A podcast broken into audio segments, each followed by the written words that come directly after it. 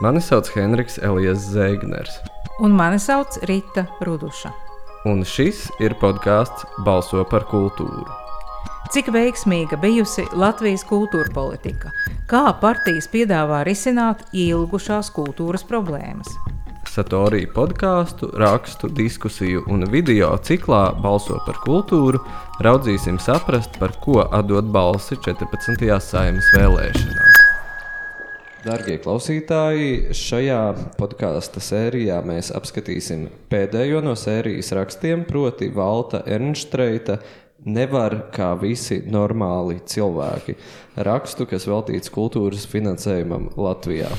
Arī šo podkāstu mēs vadām kopā ar žurnālisti Ritu Rudušu. Čau, Rita! Čau! Un sveiks, Valta! Čau! Es varētu sākt ar jautājumu par sākumu, par tava raksta sākumu un par ļoti daudzu rakstu un sarunu sākumu. Proti, tāpat kā daudzi citi, arī tu sāc ar atrunu par to, ka kultūra ir atšķirīga no citām dzīves jomām. Ha, bet es arī ne tikai sāku ar atrunu, bet arī paskaidroju, kāpēc. Nu, lūk, eh, tu paskaidro, kāpēc. Un vienmēr tā atruna ir kaut kas tāds, kur man liekas, mēs visi iesnaužamies mazliet, nu, tie, kas kultūrā dzīvojam, jo mēs jau tā kā zinām, un cik ilgi mēs to varam atkārtot. Bet es pieļauju, ka tev to ir vienkārši nācies noslīpēt kā tādu mantru, tieši runājot ar citu nozaru pārstāvjiem. Es pieļauju, ka tev to ir nācies ļoti daudz skaidrot finanšu ministrijas pārstāvjiem, piemēram un cilvēkiem, kas nodarbojas ar budžeta lietām, principā. Vai es to iedomājos pareizi, ka tas ir vienkārši tas mantras slīpējums? Pat ne mantras, varbūt, ka šeit ir um, apzināti. Es arī izvēlējos to virsrakstu par to, ka nav kā pie visiem, respektīvi, nevar kā visi normāli cilvēki. Tāpēc, ka tas varbūt um, ne tikai stāsts par citām nozarēm, tas ir stāsts par sabiedrību kopumā un par to sabied, respektīvi, tādu sabiedrības stereotipiem, kas tad ir kultūra, kas ir radušies ļoti dažādu iemeslu dēļ, dažādos laikos. Un, manuprāt, viens tāds ļoti izteikts teiciens, ko daudzi ir, ir dzirdējuši, ah, nu, tie ir mākslinieki. jā. Respektīvi, Tas nozīmē, to, ka viņi taisa savus, uh, kaut kādas savas lietas un neko neiedzirdēs no normālās dzīves, nespēja atnākt laikā uz tikšanos, uh, neprot rēķināt naudu. Un, uh, savā ziņā tas caurvīja ļoti daudzas sarunas vai padara grūtas daudzas sarunas par kultūras jomu tieši tas, ka tiek pieņemts.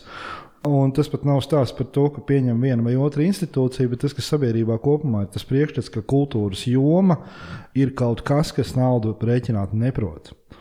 Un būtībā arī nedara nu, tādu darbu ar kārtīgu pievienoto vērtību. Nu, Jā, neko, īsti. neko nedod īsti tādu. Nu, ne, Izmērāmu. Tas gan varbūt nav īstā, īstā grāmata, kuru šeit pieminēt, bet ir tāda dīvaina padomu laika grāmata, kā nezinīts uz mēnesi, kur ir aprakstīti cilvēkiem.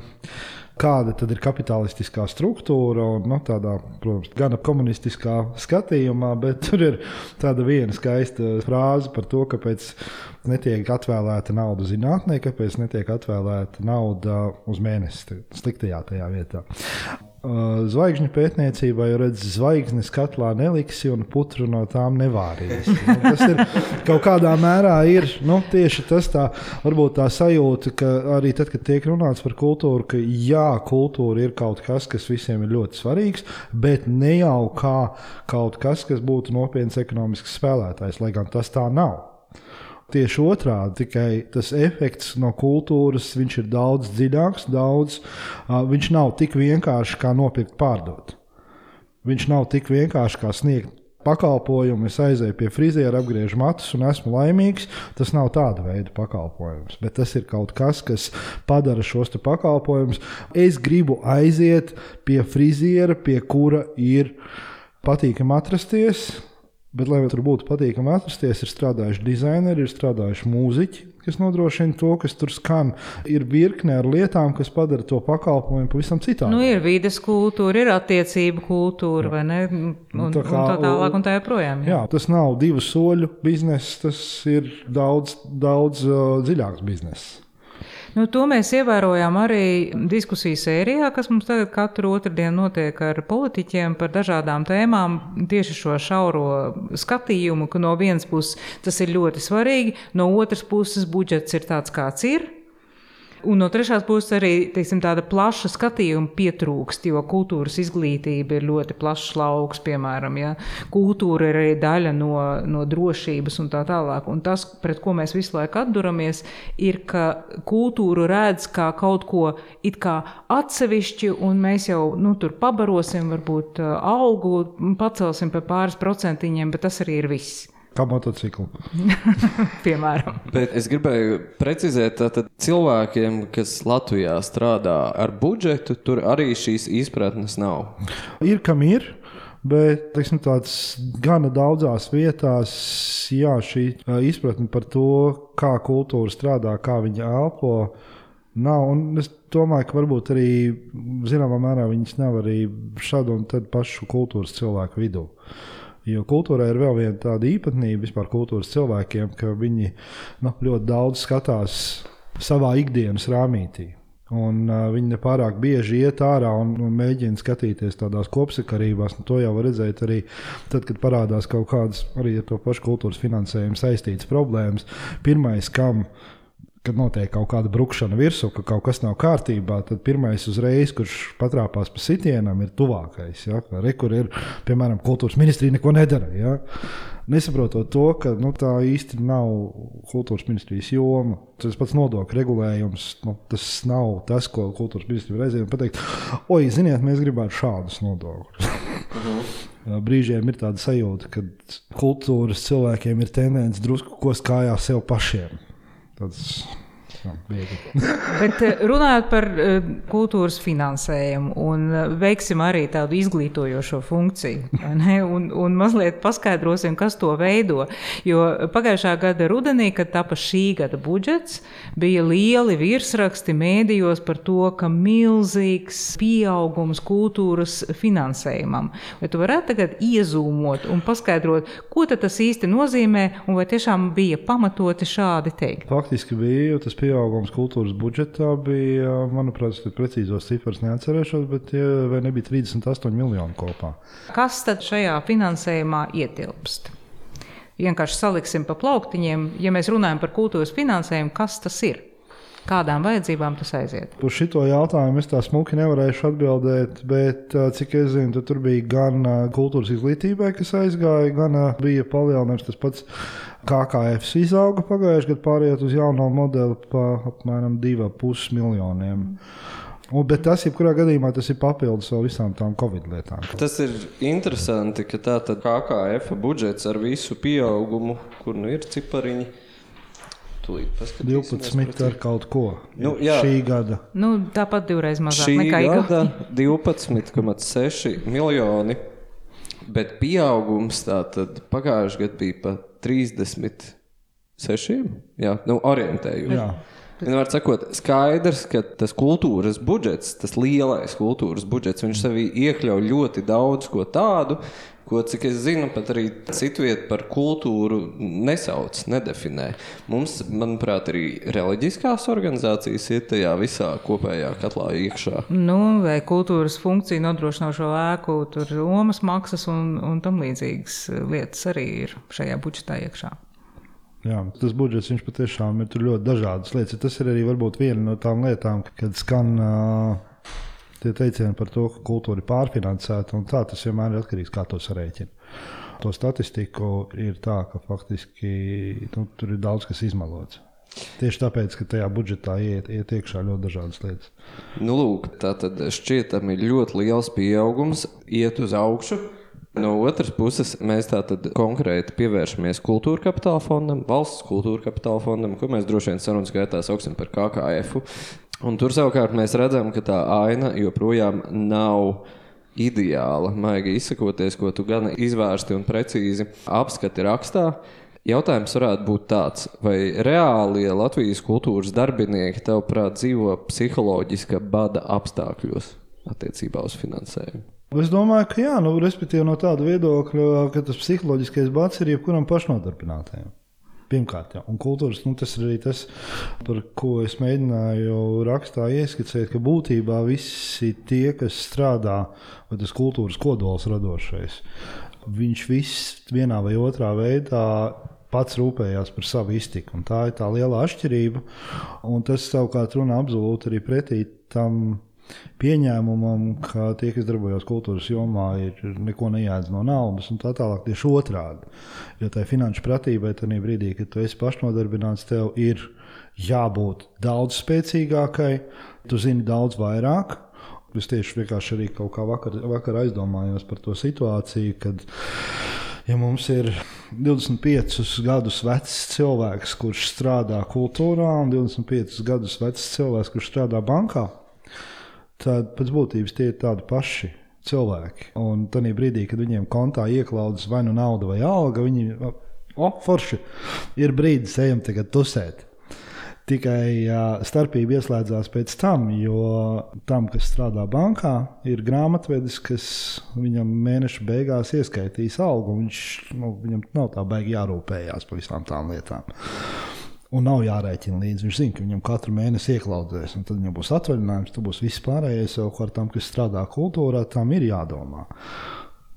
Jo tad brīdī, kad viņam tā nauda ir beigusies, tad viņam ir jādomā, kur viņam būs nākamā nauda. Un tas ir tas bats, kas arī ieslēdzās, un tas ir tas pastāvīgais stress. Jo es esmu pats ļoti ilgi bijis pašnodarbināts strādājot par tulku un tulkotāju. Un uh, psiholoģiski ir ārkārtīgi grūti arī izvairīties no tādas lietas, kā pār, no vienas puses no pārstrādāšanās, jo tu, esi, tu, tu ņem pretī visu, ko tev piedāvā. Nu, tev instinkts saka, ka tev ir jāņem, tāpēc, ka tu nezini, kad būs, nāk, kad būs nākamais. Tieši tā, jā, un jā. tu vienkārši sagrābies tos darbus, un tad tev ieslēdzās šis izdegšanas efekts. Tu nevari un, īsti atvaļinājumā doties, vai ne? Jā, jo atvaļinājumā, un arī tajā brīdī, kad tev beidzās kaut kāda iemesla dēļ iestājās šis pārtraukums, tev, tu sēdi neziņā, cik ilgi tas pārtraukums būs. Un vai man tagad pietiks tas, ko es esmu sakrājis, vai man pietiks tagad, lai es pārlaistu to posmu, kurš es nezinu, kad beigsies. Un, nu, patiesībā tā pašnodarbinātība, tā, ja paskatās no malas, izklausās kā tāda baigta foršā lieta, ja, kurā kur viss teiksim, tur iet mazgā, mazgā nodokļus, ja, tur nav, jā. vēl viss kaut ko dara, bet patiesībā tā ir ļoti, ļoti stresaina, ļoti psiholoģiski grūta. Jo tu esi tiešām pats sev saimnieks, bet tu esi arī atbildīgs pilnībā par to, kas tev notiek, kas ar tavu ģimeni notiek. Un tajā pašā laikā pašnodarbinātajiem arī tas, ko var redzēt ne tikai kultūras jomā, bet nu, ir virkne lietām, kas vienkārši nav pieejamas. Ja, tur.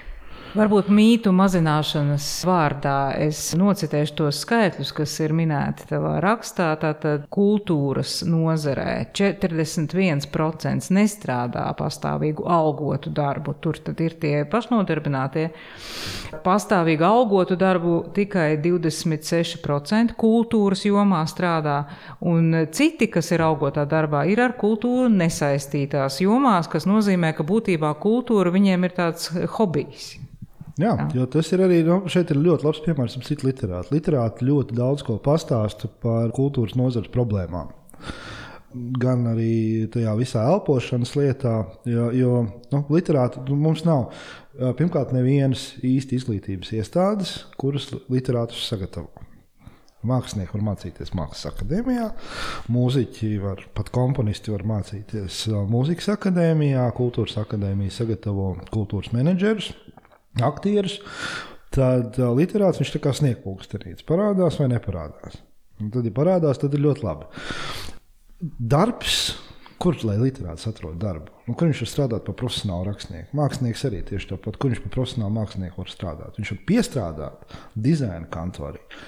Viņš var piestrādāt, piemēram, Mākslas akadēmijā, un tad viņš ietilpst tajos procentos, kas strādā pastāvīgu algotu darbu ar kultūru saistītā jomā, bet brīvajā laikā tas ir tas brīvais laiks ārpus tā darba, kad viņš var atļauties gleznot vai kad viņš var atļauties rakstīt.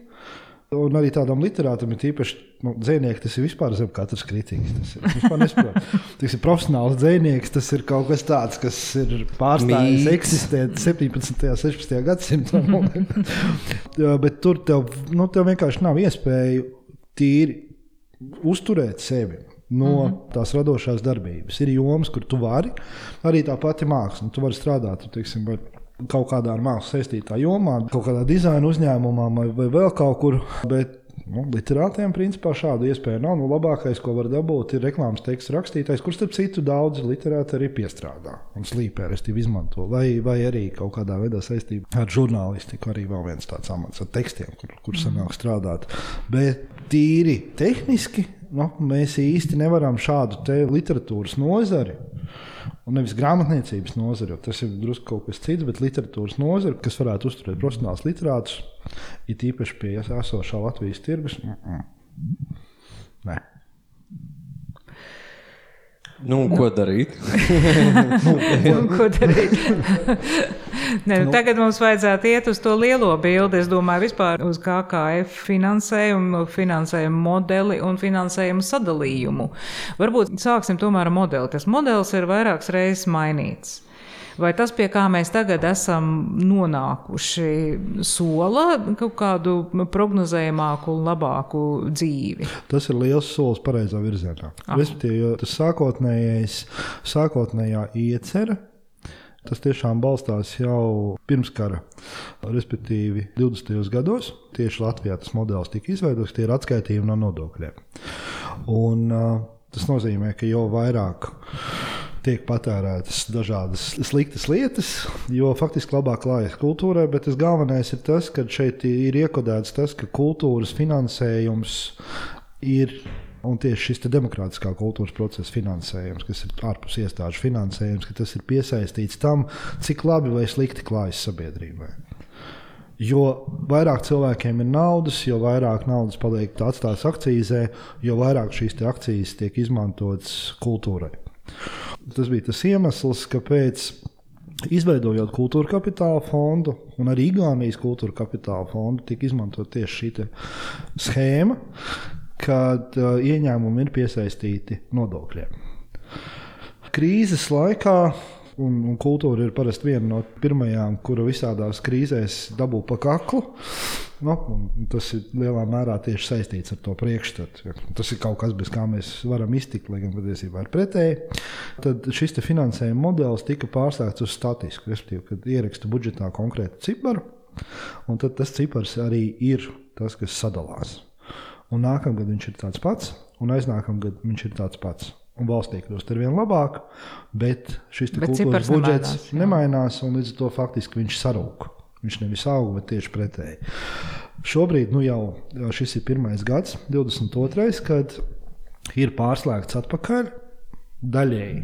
Respektīvi, ir pārslēgts atpakaļ princips, kad kultūra kapitāla budžets veidojās no atskaitījumiem, no akcijas nodokļa, bet tie procenti vairāk vai mazāk ir izrēķināti savu laiku tā, ka viņš, nu, viņš sāk no, no tā pagājušā gada budžeta un pamazām kāpj uz augšu. Līdz ar to mēs šobrīd, nu, tā tēlēni izsakoties, mēs esam drusku labākā situācijā nekā pagājušajā gadā. Un tagad mēs varam cerēt, ka mēs panāksim inflāciju. Kad Bet... mums beigsies šis samazinājums. Vismaz nebūs lejupslīdes. To mēs varam konstatēt. Principā ja? mēs esam šobrīd stāv. Tas ir tikai pirmais solis. Faktiski tiem procentiem būtu jābūt augstākiem viennozīmīgi. Un, ja būtu tiešām šis sākotnējais finansējuma modelis, tad tas reālais finansējums šobrīd būtu nu, vismaz trīskāršs. Tas būtu pavisam cits kultūra kapitāla fonds, tas būtu pavisam cita kultūras vilka Latvijā. Bet nu, vismaz mēs esam uz pareizā ceļa. Tas jau ir, jau ir kaut solis. kas. Es gribēju pavaicāt par šo pareizo soli. Kā mēs pie tā soļa nonācām? Kam bija iniciatīva, vai tā ir ierēdniecība, vai tā ir politiska griba, vai tā ir nozares rosīšanās? Kā tas solis tika spērts? Tur faktiski bija viss kultūras gals iesaistīts. Un par to jau tika runāts labu laiku, ka būtu, jo uz krīzes brīdi daudz ko izgriezt ciet. Mēs runājam par finanšu krīzi. Jā, jā par finanšu jā. krīzi, 9. 9. gada, gada krīzi. Un ka beidzot ir pienācis laiks, un tad gala rezultātā šī politiskā vienošanās tika panākta. Jo tā ir, ir viena lieta, ko nevar panākt. Tas ir likuma izmaiņas. Ja? Tas ir kultūra kapitāla likuma izmaiņas, kurā ir ierakstīts šis iekšā. To nevar panākt nedz kultūra kapitāla fonds, nedz viena pati ministrija atsevišķi. Un tobrīd, tas bija pirms faktiski vairākiem gadiem, kad es vēl nebiju īsti tik cieši saistīts ar kultūras jomu. Tobrīd tika panākta arī finanšu ministrijas izpratne par šo. Jo tam ir efekts uz to, kāds izskatās valsts budžets. Un uh, es varu godīgi pateikt, līdz pēdējiem brīdiem, gan kultūra kapitāla fondā, gan ministrijā, nu, visi bija tādi, sēdēja ar sakrustotiem pirkstiem un ar bailēm gaidīja, nu, būs vai nebūs. Jo bija sajūta, ka varbūt tomēr atradīsies vēl kāds, kas izdomās, un, un tomēr tas neiestāsies.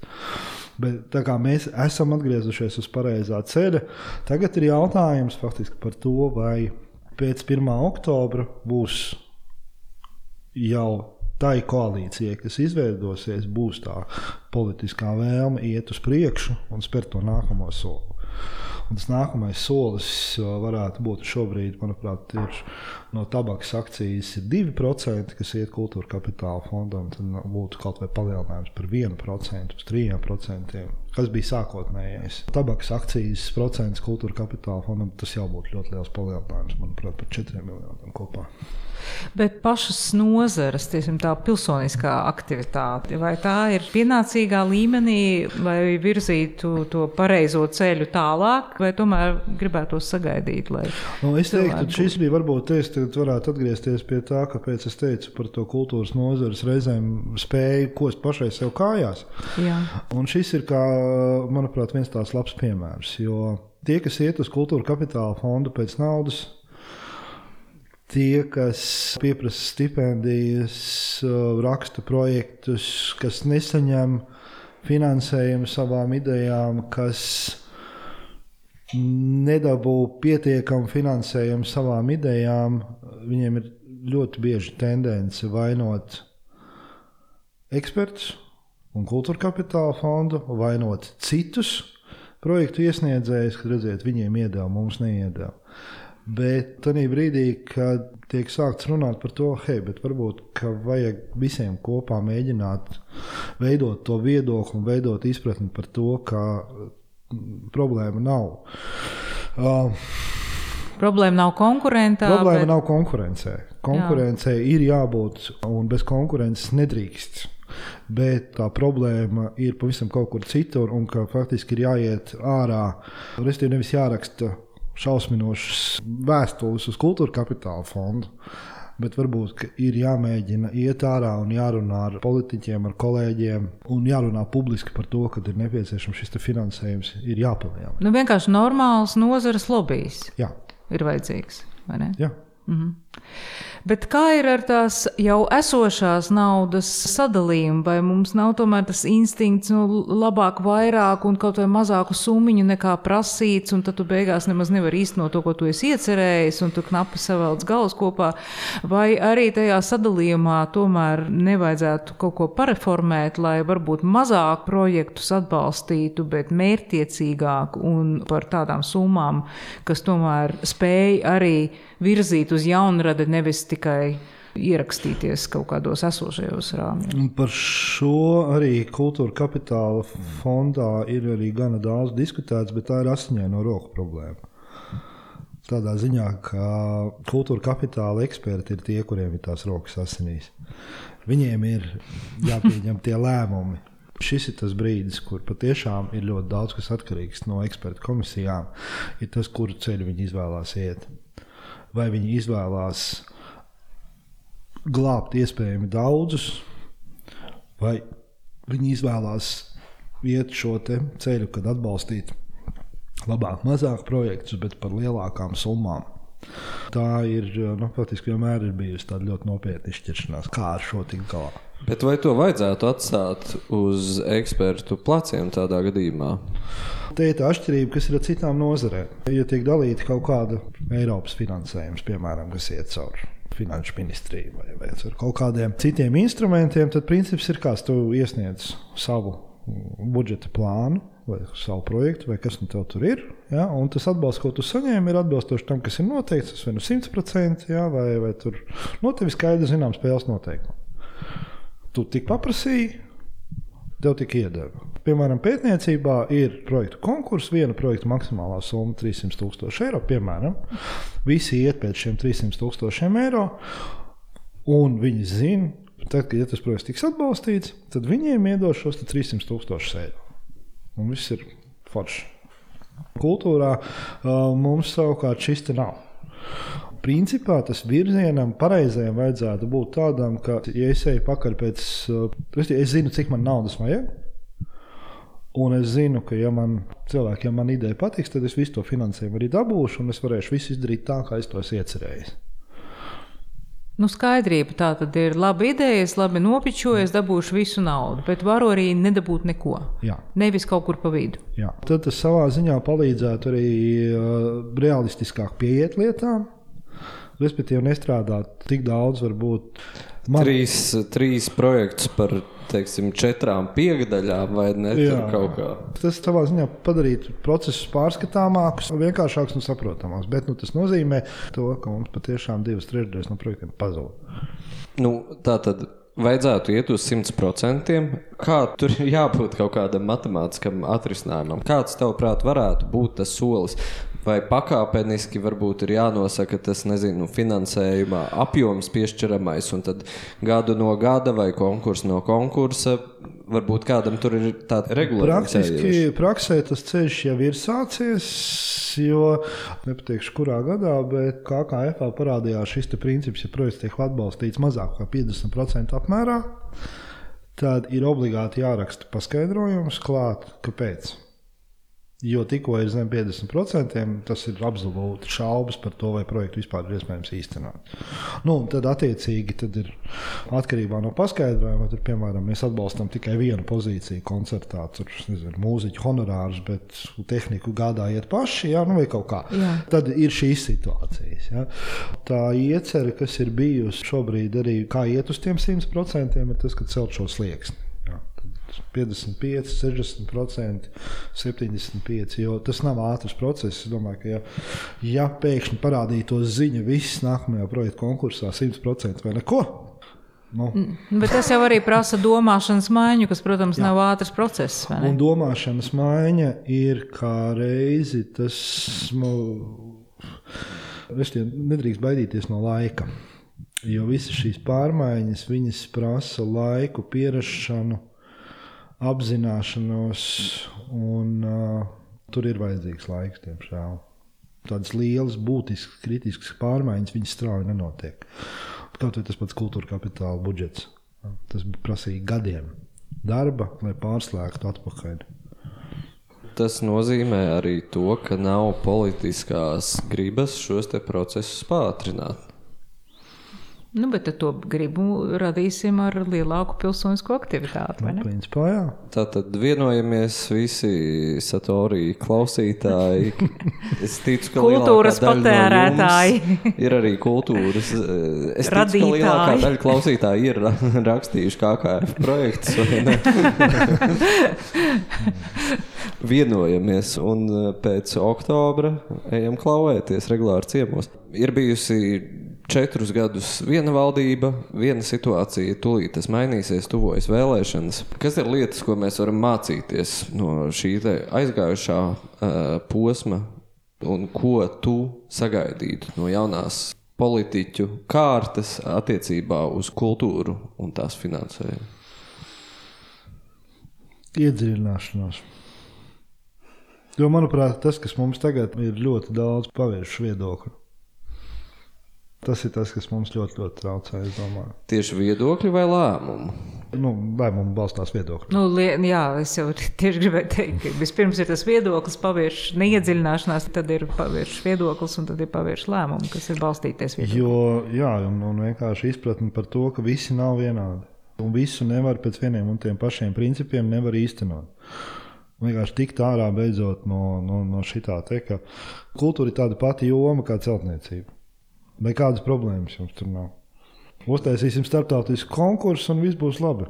Atbrauks eksperts, kurš galvenais, lai viņš nevienu nepazīst, un lai viņam nav interešu konflikts. Rekur atbrauks eksperts no ārzemēm, pieaicināsim, viņš izvērtēs visus projektus. un būs miers. Man liekas, ka zīmīgi šāds te, tevis piesauktais paviršības princips eh, citas starpā ir bijis arī komunikācijā klātsošs. Es savukārt atsaucos uz tavu raksta daļu, kur ir runa par autora atlīdzību režīma izmaiņām. Manuprāt, viena no lielākajām problēmām ir bijusi tāda, ka pēkšņi parādās ziņas, parādās ministrijas ziņojumi par to, ka lūk, būs šādas izmaiņas. Ir daļa kultūras cilvēku, kas vienkārši plēš matus, zvana naktas vidū grāmatvedēju un saka, es tulīt būšu nabaks, man ir jāmaina dzīve. Un pēc tam Ah, jā, šitais nestrādā. Nē, nu tiešām nestrādā. Labi, labi, pagaidi. Nu, okay, mēs tad atliekam vēl pa gadu. Jā, jā, mēs izdomājam.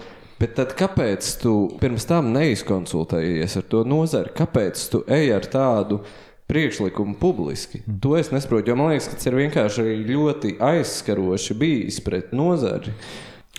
Tur tā retorika, kas tur pa vidu ir skanējusi, jā, viņi ir tādi caurdabīgi. Rodās sajūta, ka visi nodokļu mazgātāji ir sapulcējušies kultūrā, ka nav citur, kur um, Bet tu, tas citur, jau atkal savīs ar tiem pašiem stereotipiem, varbūt, kurus mēs sākumā piesaucām. Nu, jā, un, un arī tas, ka tā ir tā pati paviršība. Tā ir tā pati paviršība, ka es varbūt minēšu vienu tādu analogu piemēru no manas pieredzes strādājot kopā ar Igauniem. Rigāņu IT speciālistiem.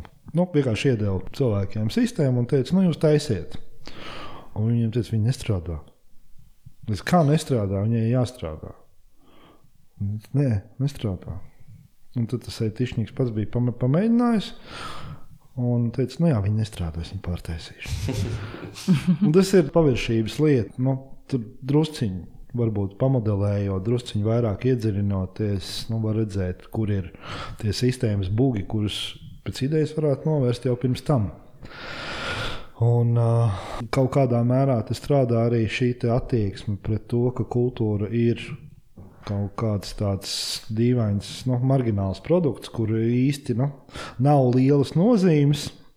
Un tad, kad tiek veidota kaut kāda, nu, atkal tas pats, kad mēs taisām visiem vienādu rāmi, visādi izņēmumi būs, tos mēs skatīsimies gaitā. Ja? Un tur arī tie izņēmumi parādās, jo nu, saka, devils in the detail. Tad tās detaļas sāk līst ārā, un beigās izrādās, ka tās detaļas ir visai sistēmiskas.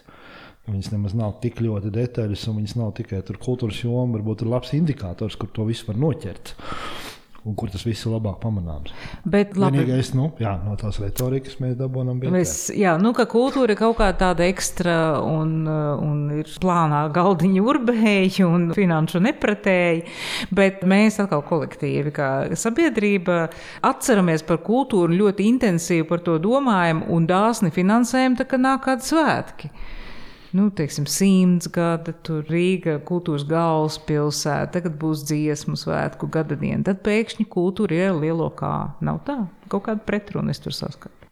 Tur tā pretruna varbūt ir tajā, ka Redz, mums jau visiem gribās to skatuves momentu piedzīvot, nevis to momentu, kad notiek darbs pie tā, lai uz tās skatos varētu uzkāpt. Ne jau tās mēģinājuma stundas mums interesē. Tā ir arī tā lieta, ka, nu, ok, rekur, rekur skatu ir. Tagad par šito ir jāmaksā. jā, ok, par koncertu biļeti mēs samaksājam. Par mēģinājumiem mēs nemaksāsim. Tas ir jūsu biznesa. jā, mums vajag skaņu darbu, mums jā. to komponēšanas jā, laiku to nevajag. To jūs paši kaut kā. Jā, mums vajag tās fanfāras, jā. un tad, jā, skaidrs pateikt. 5 eiro par grāmatu un ne centu vairāk. Ir pēdējais jautājums, bet es gribu uzprasīt vēl vienu, bet mēģinām lakoniski. Piemēram, vai šī projektu domāšana, mums ir tāds termins kā projektu domāšana, vai šī dzīvošana saspringtajā finanses situācijā, vai viņa ietekmē mākslas kvalitāti? Un, ja jā, tad kādā veidā? Viņa ietekmē divos veidos. Pirmkārt, man, protams, viņa ietekmē to, ka ir nu, gan daudz laika paiet, lai visus tos projektus sarakstītu. Tas ir tī, tīrais menedžments, vai arī saganīt kopā visu finansējumu no dažādiem avotiem, kas nu, tur ir vajadzīgs. Bet ar visu to, manuprāt, kultūrai konkurence un kultūrai šī individuālā darbošanās nāk tikai un vienīgi pa labu. Man ļoti negribētos, ka kultūra iesaistos tādos stabilos darbiņos, kur var mierīgi pavadīt laiku un kaut ko paķēpāt un kaut ko padarīties. Lai cik nebūtu ļauni tas pret literātiem, lai cik tas nebūtu ļauni pret māksliniekiem, jo tā ir tā lieta, ka tie, kas kultūras jomā darbojas, nu, viņi izvēlās to ceļu. Arī brīdī, kad viņi grib to darīt, viņiem ir jāsaprot, ka nebūs viņiem normāls dzīves. Būs viņiem problēmas bankā kredītu paņemt, būs viņiem problēmas atrast naudu, tur nodokļus samaksāt vai par apkuru samaksāt, bet viņi to ceļu izvēlās. Un tā ir viņa dinamika, kurā viņi strādā. Un, Nevajag viņu pārlikt atpakaļ. Nu, Restīvi, nevajag viņus padarīt normālus. Tas ir ļoti labi. Normāla māksla mums nevajag. Nē. Tā Jā. ir. Mums vajag mākslu, nevis projektu, teica Kalnozos. Bet pēdējais jautājums ir tāds, ka Tātad vēlēšanas oktobrī cilvēki dodas vēlēt. Ko viņiem paturēt prātā, izvēloties savu izvēli vēlēšanās? Ko tu personīgi ieteiktu šim cilvēkam? Par ko domāt? Par ko domāt? Es zinu, par ko es domāju. Nu, pasaki, zinu, par ko tu domā. Es domāju par man galvenais ir šī valsts, kurā es esmu. Man šobrīd, un man arī pirms tam visos laikos ir bijis ļoti svarīgi, lai viņa paliek tāda, kāda viņa ir. Tā, tikpat brīva, lai viņa paliek tikpat demokrātiska, lai mums ir iespēja brīvi runāt, radīt Un līdz ar to man pirmajā vietā ir viss, kas skar šīs valsts drošību. Vienalga, vai tas ir obligātais militārs dienests, vai tā ir kultūra un kultūra daudzveidība. Jo ir divas lietas. Ir viss tas, kas saistās ar militāru dienestu, mums ir tas, tas ir stāsts par ārējo drošību, par to, kā mēs strādājam uz āru. Un kultūra ir tas, kas nodrošina mūsu iekšējo drošību mūsu iekšējo spēju izturēt, pastāvēt kā kopienai, kā kopumam. Domājiet par drošību. Domāsim. Domāsim, cerēsim, balsosim. Paldies, tev, Valta. Paldies, Rita. Paldies, klausītāji. Tiekamies. Kur nu tiekamies? Pēc tam. Tiekamies drīz. Nākamajā reizē. Paldies, visu Paldies. labu. Atā. Atā. Podkāstu tapšanu finansē Mēdīļu atbalsta fonds Klausieties arī pārējos šīs sērijas podkāstus un lasiet rakstus portālā Satorija LV.